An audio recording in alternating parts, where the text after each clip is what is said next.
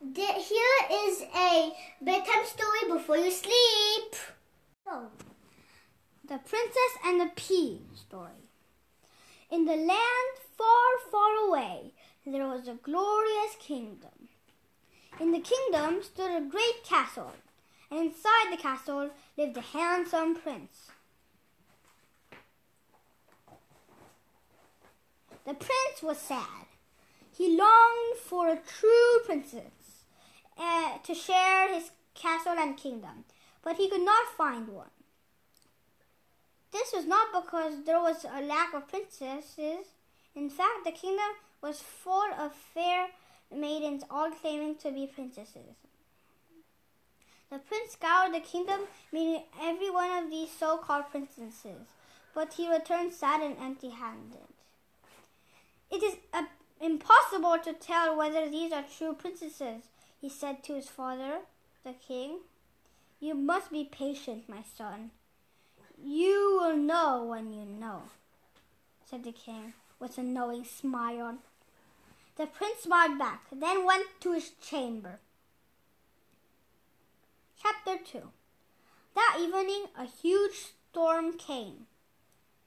Thunder clapped, lightning flashed, and the rain clattered down on the castle roof like the sound of a thousand horses charging into battle.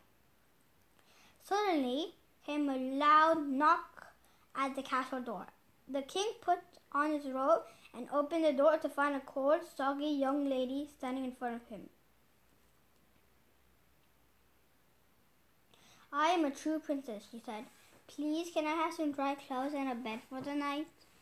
The king let her in.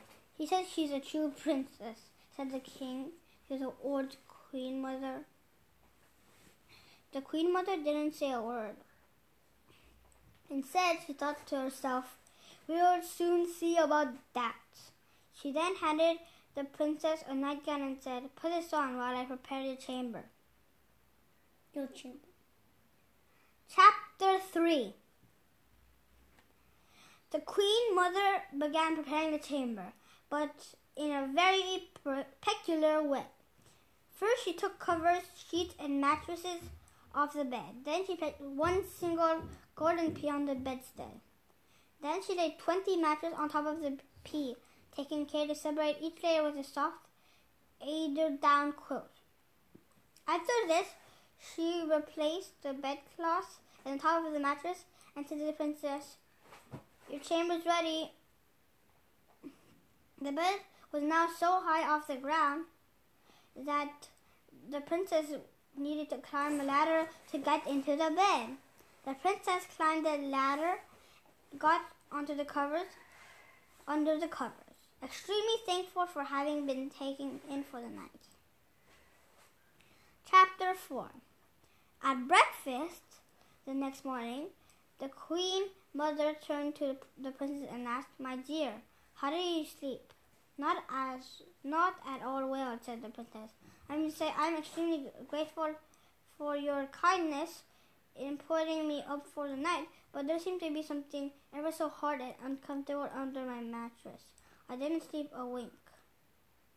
My, my, replied the queen mother. Is that so?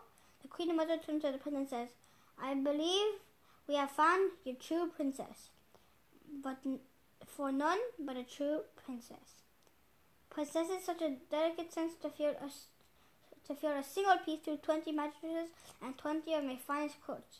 You must wed immediately.